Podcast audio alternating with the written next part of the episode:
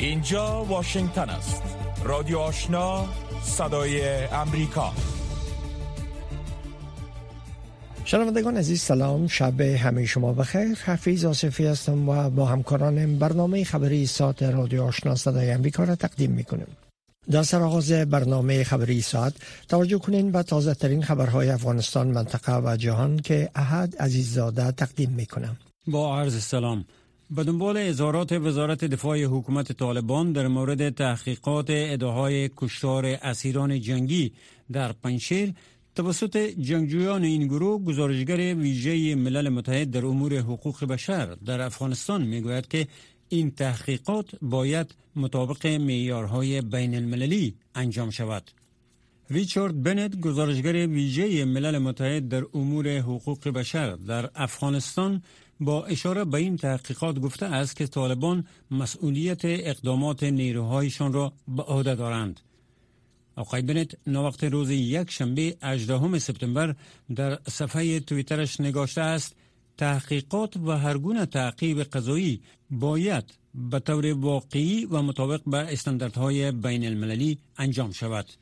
وزارت دفاع حکومت طالبان به تاریخ 17 سپتامبر در واکنش به ویدیوهای نشر شده در شبکه های اجتماعی و ادعای مبنی بر کشتار اسیران جنگی در پنشیر با نشر اعلامیه گفت که تحقیقات جدی در این مورد آغاز شده است.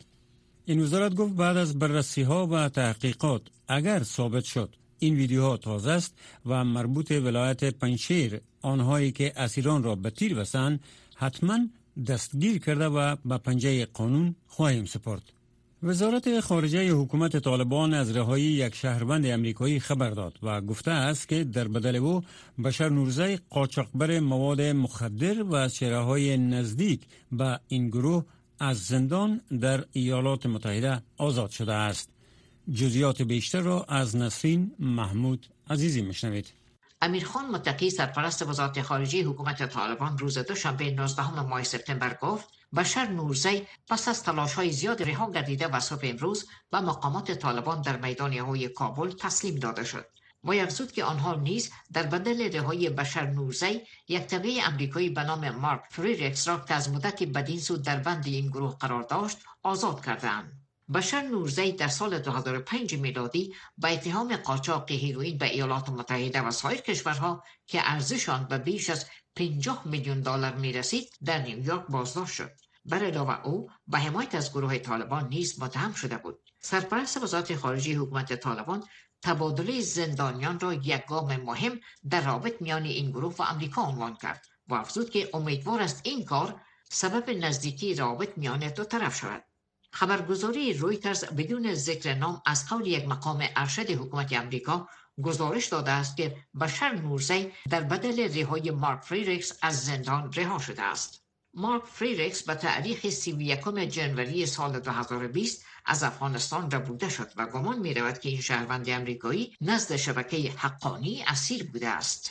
ادامه اخبار وزارت صحت عامه حکومت طالبان از آغاز دور جدید کمپاین واکسین پولیو در سراسر افغانستان خبر داده و گفته است که در این کمپاین 9.9 میلیون کودک زیر 5 سال واکسین خواهند شد.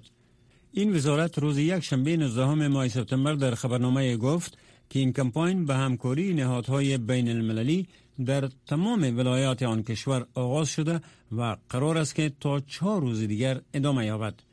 وزارت صحت حکومت طالبان همچنان گفته است که در حال حاضر افغانستان نسبت به هر زمان دیگر به محو بیماری پولیو نزدیکتر شده است.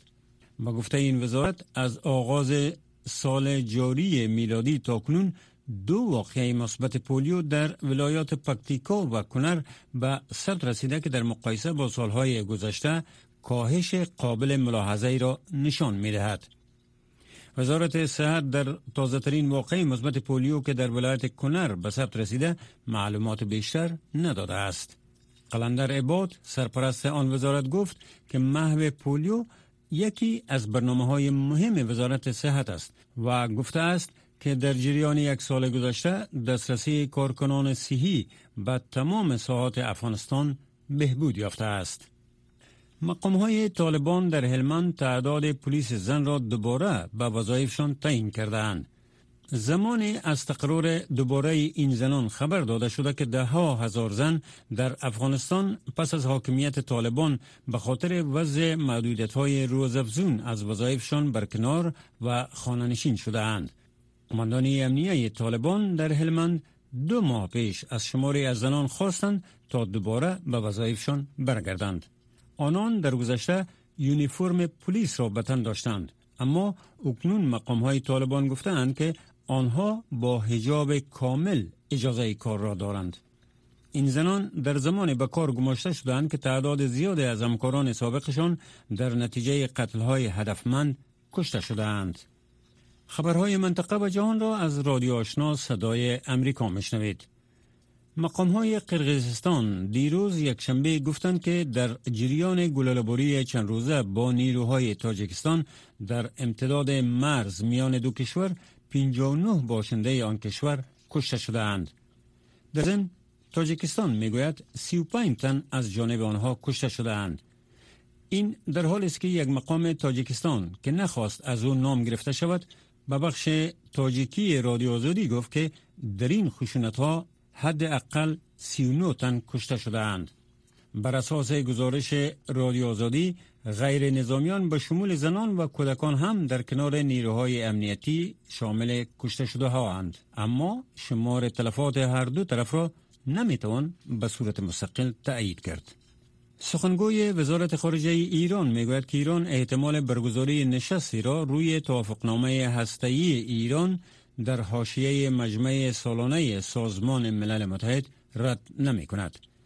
ناصر کنانی امروز دوشنبه ابراز داشت که تهران هرگز میز مذاکره را ترک نگفته است ولی احتمال ملاقات مستقیم میان مقام های ایران با ایالات متحده را در نیویورک رد کرد.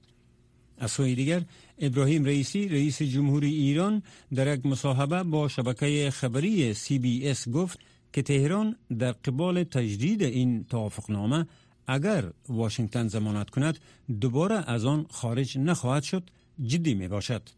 دانالد ترامپ رئیس جمهور سابق ایالات متحده در سال 2015 ایالات متحده را از این توافقنامه خارج ساخت و آن را یک موافقه ضعیف خواند. حکومت چین بر اظهارات اخیر جو بایدن رئیس جمهور امریکا انتقاد کرد که گفته است اگر بیجینگ برخلاف تعهداتش با امریکا به جزیره خودمختار تایوان حمله کند نیروهای امریکایی از تایوان دفاع خواهند کرد. اما بیجینگ جزئیات بیشتری در مورد انتقامگیری ارائه نکرده است. رئیس جمهور بایدن در گفتگوی اختصاصی در برنامه 60 دقیقه‌ای شبکه تلویزیون CBS به روز شنبه در پاسخ سوال در مورد اینکه نیروهای امریکایی در صورت حمله چین به تایوان از تایوان دفاع خواهند کرد پاسخ داد که بله. اما آقای بایدن در این مورد جزئیات بیشتری ارائه نکرد. این اظهارات رئیس جمهور بایدن در میان موج از نمایش قدرت توسط حزب بر سر قدرت کمونیست چین که تایوان را بخش از خاک آن کشور می‌داند حمایت رسمی امریکا را از جزیره تایوان نشان می دهد. سخنگوی وزارت خارجه چین بدون ذکر نام رئیس جمهور بایدن گفت اظهارات امریکا تعهدات واشنگتن را در رابطه به عدم حمایت از استقلال رسمی تایوان نقض می کند. چین آن را اقدامی خوانده که می تواند جنگ را دامن بزند. شورای امنیت روسیه می‌گوید که روسیه و چین بر تعمق همکاری ها روی موضوعات دفاعی با تمرکز کامل در بخش انجام مانورهای مشترک موافقه کردند. در اعلامیه این شورا آمده است که هر دو جانب روی همکاری های بیشتر نظامی که شامل تمرین های مشترک، گزمه و تقویت روابط میان نظامیان دو کشور می گردد به موافقه رسیدند. این اعلامیه در حال نشر شده که نیکلای پتروشیف رئیس شورای امنیت روسیه به چین سفر کرده است و با های نظامی آن کشور ملاقات می کند. روسیه و چین در طول سالهای گذشته روابط نظامی خود را بیشتر ساختند و ولادیمیر پوتین رئیس جمهوری روسیه نیز گفته که نگرانی های چین را در قبال اوضاع در اوکراین در نشست در ازبکستان تأیید کرد. و خبر اخیر طوفان فیونا که به روز دوشنبه در جمهوری دومینیکن باعث قطع شبکه برق لغزش زمین و خرابی های زیادی در پورتوریکو شد فروکش کرده است. ولی ایالت پورتوریکو ویرانی های ناشی از این طوفان را فاجعه بار خواند. از تلفات انسانی ناشی از این طوفان تا حال گزارش نشده است. اما مقام های این قلمرو ایالات متحده گفتند که بسیار زود است ویرانی های ناشی از این طوفان را تخمین بزنند. بر اساس پیش بینی ها هنوز هم امکان جاری شدن باران ها و سیلاب ها در پورتریکو وجود دارد. پایان اخبار افغانستان منطقه و جان از رادیو صدای امریکا تا این ساعت. روایت امروز مصاحبه ها، گزارش ها و تحلیل ها در مورد وضعیت کنونی افغانستان و جهان هر شب از ساعت نونیم تا ده شب از امواج رادیو آشنا صدای امریکا.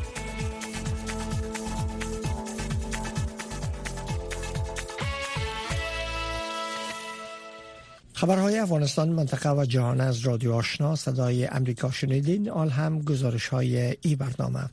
وزارت خارجه حکومت طالبا از رهایی یک شهروند امریکایی خبر داده و گفتند که در بدلو ایالات متحده امریکا بشر نورزی قارچاقبر مواد مخدر و چهره های نزدیک به گروه از زندان آزاد ساخته کارشناسا به این نظر هستند که گروه طالبان با این تبادله به دنبال بهبود روابط با ایالات متحده بوده و همچنان اقدام چراغ سبز بر تداوم روابط آینده دو جانب است. جزئیات بیشتر در این گزارش میشنوین امیرخان متقی سرپرست وزارت خارجه حکومت طالبان در همایشی که برای رهایی این چهره نزدیک به طالبان برگزار شده بود گفت که بشیر نورزی در نتیجه مذاکرات طولانی با هیئت امریکایی از زندان در ایالات متحده رها و صبح دوشنبه به مقامهای طالبان در میدان هوایی کابل تسلیم داده شد. آقای متقی افزود که حکومت طالبان نیز در بدل رهایی بشیر نورزی یک تبع امریکایی به نام مارک فریکس را که از مدت بین سود در بند این گروه قرار داشت آزاد کردند و با هیئت امریکایی در میدان هوایی کابل در مورد مسائل مختلف گفتگوی مثبت داشتند اما در مورد این مسائل جزئیات نداد. آقای متقی برای حل مسائل موجود با ایالات متحده امریکا بر تداوم مذاکرات تاکید کرد. و گفته اوره های حاجی بشیر نورزی این پیام را می‌دهد که مسائل با زور و جبر نه بلکه از طریق گفتگو به سادگی حل می شود. این پیشرفت نشان دهنده این است که با مذاکرات خیلی مسائل حل می شود و این گام به امارات اسلامی افغانستان و جانب امریکایی نشان می دهد که خیلی پیشرفت ها از طریق مذاکرات ممکن است واقعا برای این پیشرفت امروزی مذاکرات پیچیده انجام شد و زمان زیاد در بر گرفت و در فرجام نتیجه داد. او ډیر وخت په بر کې ونیو. خو بالاخره نتیجه ورکړه. با گفته سرپرست وزارت خارجه حکومت طالبان حاجی بشیر 17 سال را در زندان ایالات متحده سپری کرد. فردی که به گفته وی از زمان تأسیس طالبان با این گروه دوستی محکم و خاص دارد. سرپرست وزارت خارجه حکومت طالبان تبادله زندانیان را یک گام مهم در روابط میان این گروه و امریکا عنوان کرد و افزود که امیدوار است این کار سبب نزدیکی روابط دو طرف شود. نورزی معروف به حاجی بشیر در سال 2005 در نیویورک بازداشت و سپس به قاچاق میلیون ها دلار هروئین به ایالات متحده متهم شد. بر اساس گزارش ها نورزی به یکی از اعضای ارشد طالبان به تامین مالی و تسلیح شورشیان با پول قاچاق هروئین کمک کرده است و از همین رو به حمایت از گروه طالبان نیز متهم شده بود. آقای نورزی که پس از رهایی در این همایش حضور یافته بود گفت ما از تبادله زلا فکر کوم ان شاء الله د افغانستان او د فکر می کنم که تبادله من وسیله برای صلح میان افغانستان و ایالات متحده خواهد شد. خواست شخصی من از جهان این است که با امارت اسلامی باید مذاکره شود و تمام موضوعات را از طریق مذاکره حل کنند. اسلامی امارت سر باید خبر تو باید خبر سره طول موضوعات باید خبر سره حل برخی کارشناسان سیاسی به این نظرند که تبادله یک زندانی حبس ابدی با یک گروگان چندان اهمیت ندارد چون از رهگذر حقوق بین الدول خصوصی دولت ها حق هر گونه سازش را دارند. اما با باور این کارشناسان هدف از این تبادله تداوم روابط دو جانبه و بهبود آن است. عزیز معارج و طارق فرهادی کارشناسان امور سیاسی. یک زندانی و یک زندانی دیگه یا مابوس یا گراگان تبادله میشه. این به عنوان عزیز که امریکا طالبا را باعث یا حاکم در خاک و جغرافیا میشناسه که میتارن که زندانی از او رها کنه و یا یاب سرشان اعتماد کنن باعث یک دولت که بخواست از زندانی تبادله کنه که در رابط فیلی و در رابط در آینده باعث نشاندن چراست تاثیرات همین خود خانه خواه داره اصلا گپ به اینجاست که طالبا بسیار کوشش میکنن که بعد از مسئله الزویری رابطشان دوباره امریکا امر امریکا خوب شود مارک فریکس اعلام می‌کنند اما امین صداقت دیگر تحلیلگر سیاسی به این نظر است که ایالات متحده باره های یک مافیای مواد مخدر همه اصول داخلی و اخلاقی را زیر پا گذاشت و آنچه حمایت از قانونمندی، دموکراسی، حقوق بشر و آزادی شعار می‌داد همه را نادیده گرفت. حتی اگر منافعش ایجاب بکند حاضر است که جانی ترین آدم ها را از زندان آزاد کند و با دیکتاتور دیکتاتوری ترین نظام ها هم روابط برقرار کند و روابطی از این جنس. دیگه این برای مردم ما بسیار مایه تاسف است. البته برای جانب طالبان هم یک نوع مشکل است به خاطر از که طالبان در برابر حقوق حقی جامعه افغانستان مقاومت می کند ولی برای یک جنایتکار برای کسی که غرق در تجارت مواد مخدر است در این حد حاضر است که تعامل کند و او را آزاد کند. مقام های امریکایی تاکنون در مورد تبادله زندانیان ابراز نظر نکردند. فریکس مهندس تقریبا 60 ساله امریکایی و کهنه سرباز نیروی دریایی در اوایل سال 2020 در کابل رو بوده شد. زمانی که نیروهای ایالات متحده و ناتو در حمایت از دولت افغانستان در حال نبرد با جنگجویان طالبان بودند. پیش از این جو بایدن رئیس جمهور ایالات متحده نیز از طالبان خواسته بود که بدون توجه به مشروعیت بین این گروه این کهنه سرباز امریکایی را رها کنند. در جریان دو سال گذشته یک بار ویدیویی از مارک فریکس به نشر رسید و این مرد امریکایی در آن خواستار رهاییش شده بود. شنوندگان گرامی رادیو آشنا صدای امریکا نشرات رادیو آشنا را در موج متوسط 1296 موج کوتاه 11575 اعشاری صفر و در موج 972 کیلوهرتز شنیده می توانید. سارنوالان محکمه بین المللی جرایم یا هاگ خواستار از سرگیری تحقیقات در رابطه با جرایم جنگی در افغانستان شده و گفتند که این تصمیم باید به سرعت گرفته شود. کریم خان سارنوال محکمه بین المللی جرایم گفته جرایم جدی که در صلاحیت محکمه هاگ است در افغانستان ادامه دارند. اما ای که زمینه برای از سرگیری تحقیقات جرایم جنگی در افغانستان تا چی حد فراهم است؟ فوزی ایسان در این مورد مصاحبه با راتب فقیری تحلیلگر مسائل حقوقی انجام داده که با هم بشنویم. محترم راتب فقیری سارنوالان محکمه بین المللی جرایم یا هاگ خواستار سرگیری تحقیقات در رابطه با جرایم جنگی در افغانستان شدند. و خواستند که تصمیم در این مورد بسیار زود گرفته شود. به نظر شما در شرایط کنونی تحقیقات در مورد جرایم جنگی چقدر امکان پذیر است؟ یک قسمت تحقیقات صورت گرفته. محکمه یک مشکل داره. و مشکلش است که میگن یک حکومت به رسمیت شناخته شده. در افغانستان وجود نداره. برای که محکمه تصمیم بگیره که ما اینمی کار می‌کنیم این تحقیقاتش رو می‌کنیم در مورد جر... جرایمی که در کشور دیگه واقع شده. باید دولت خودش اعلان کنه که اونا قادر نیستن که همی مسئله تعقیب برابرتن که از این نظر کدام جنایت اگر تصمیم گرفته شود که تحقیقات در مورد جرایم جنگی آغاز شود در افغانستان به نظر شما بله. عمده ترین مانع چی خواد بود در شرایط فعلی؟ عمده ترین مانع مخصوصا در رابطه با جرایم که طالبا مرتکب شدن یا فعلا همون مسئله مطرح است.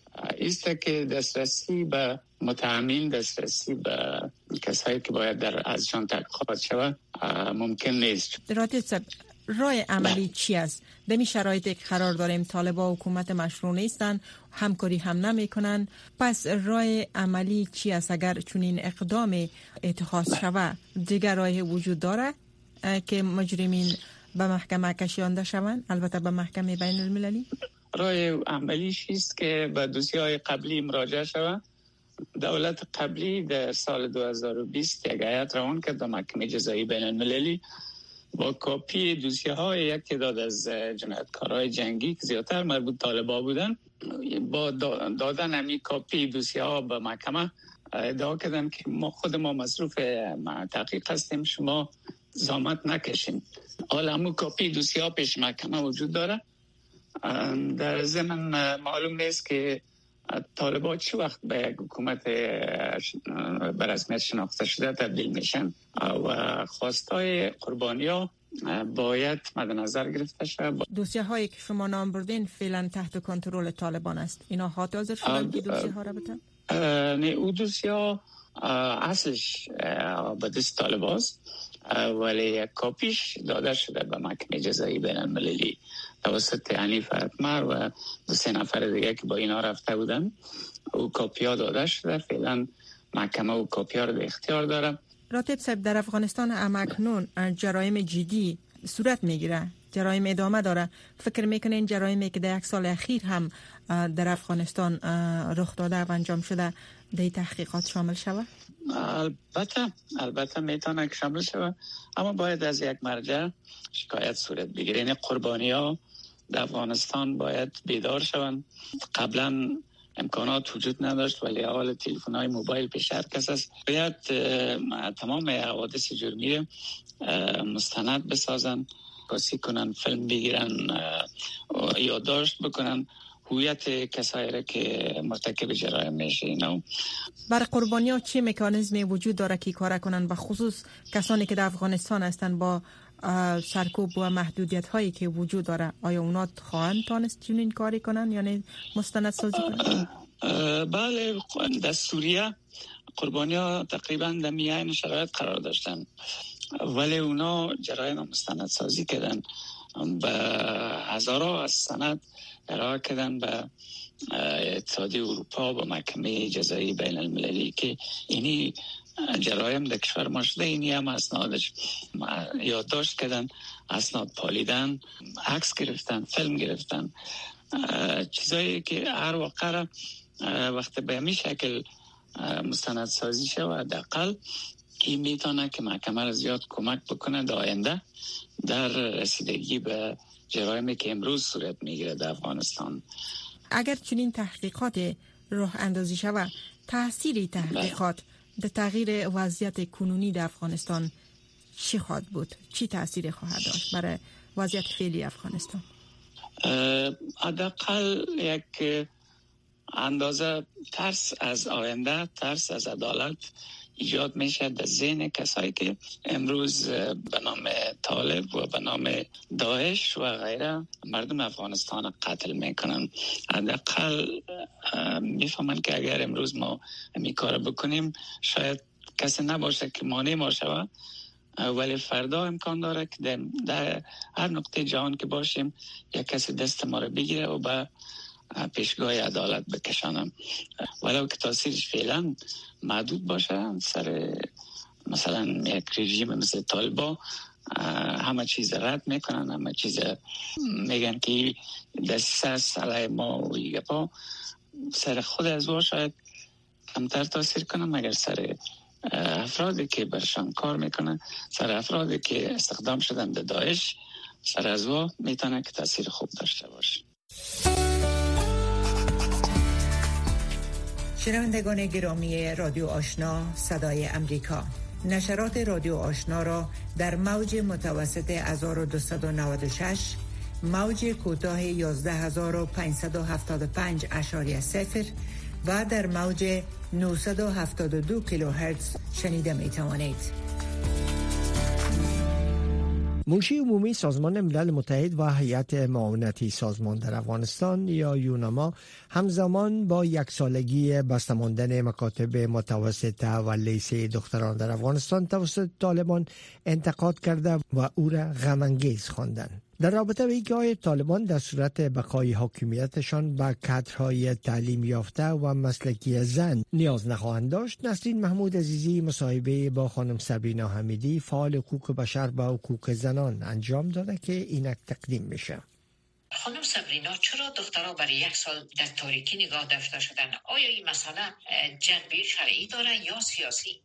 واقعا همین ما ما شاید دیدیم که اضافه از یک سال میشه که مکاتب زبان متوسطه و لیسه بر روی دخترها محدود می باشه و در این مدت زمان یک سال انتظار را که کشیدن مشترهای را که جامعه جهانی بر طالبان داده. و هیچ گونه تغییر در تصمیم انجیا و در ارادیشان نامن تا اندازی که من مطالعه دارم و تا به اندازی فهم خود هیچ گونه مشکل شرعی در قبال حق تعلیم خانما وجود نداره و ما می‌بینیم در کشورهای دیگه اسلامی که نظام های اماراتی رو ما می‌بینیم نظام های جمهوری رو ما می‌بینیم نظام های رو ما می‌بینیم. به هیچ گونه نظام چنین روشی وجود ندارم مثل روشی را که طالبا اختیار کردن. منطقه ما دیدیم که با امو تعودی که یا کرده بودن به اون تعود عمل نکردن و یا رای دیگه پیش گرفتن روز به روز زنان واشیه کارشان نمیشه داخل کارشان معلوم میشه داخل تحصیل و تعلیمشان معلوم میشه در قبال دستاتی اختیارشان برشان مشکلات ایجاد میشه طبعا این جزء از اون پلان و اجندای با مذرد حرف شما را قطع می‌کنم. در صورتی که حاکمیت طالبا بقا پیدا کنه آیا خودشان به کدرهای علمی و مسلکی زنها به خصوص در امور سیاسی و امور اجتماعی ضرورت نخواد داشتن؟ اگر خود از یا ضرورت داشته باشه نداشته باشه. اما ارزش های جغرافیا داره ارزش های افغانی ارزش های تاریخی ارزش های اسلامی تمام ارزش به طبقه اونا و طبقه های اونا داره یکی یا ضرورت دارن یا ندارن. و یکی یا گپ از اسلامیت می‌زنن باید به این ضرورت ها ارزش قایل کنن مثلا در اصلی وقتی یک جرم واقع میشه. طبقه اونا به پلیس به سارنوال ضرورت. وقتی یک مریض میشه. به دکتر اوناس و طبیب اوناس ضرورت داره. وقتی به یک اداره دیگه خانم مراجعه می‌کنه. به یک طبقه اوناس ضرورت داره ما نمی‌تونیم تلاشی بدنی خانم توسط در هیچ گوشه دنیا به این شکل نیست توسط یک مرد پیش برد امو ارزش های که یا پابند مثلا میگن که ارزش های کلتوری ارزش های اسلامی اگر ما توجه و توجه به او ارزش ها شود در تمام و واقع اینا به او ارزش ها باور داشته در تمام طبقه اوناس ضرورت پلیسی خود از میگه این ما می‌بینیم میگه همین فعالیت های سیلی زیاد نمایش نشان میده روز به روز ما از تمام افراد بدون سکتور صحت و یک تعداد بسیار محدود سکتور مالک و هم در دوره ابتدایی روز به روز آشیه کشان نمیشه و به شکل پلانیزه به شکل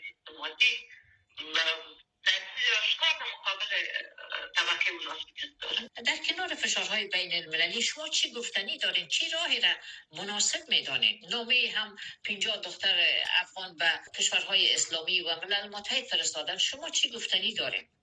البته نامه نامه سرگشاده که در مثلا دختر تعلیم و یو یک ساله یک خودیننی وقت از دختر فرصت از دختر دست دوباره به دست نمیاره و جبران نمیگه که مشکلات یک سال فرصت که طبقه اوناس مثلا از دست دادن. چی راهی را مناسب می‌دانیم؟ راه مناسب هم نیست که هر کس به محدودی یا مسئولیت صلاحیت خود در پایا صورت گرفتن راه مناسب ترش اینه که مسئولیت هایی را که جامعه بین الملل و قبال کشورها داره ملل متحد نظر به کشورهایی که وضعیت هدیه پیدا می‌کنن نظر بدید که جامعه ملل متحد در کشورهایی که جنگ دوام می‌کنه در کشورهایی که مشکلات در کشورهای پرابلم هم به اساس از او باید یا تصمیم بگیرن و مردم افغانستان در این حالت در این پرابلم ها تنها نمانن و به اساس از اونمو مسئولیت های خود یا پیش برن.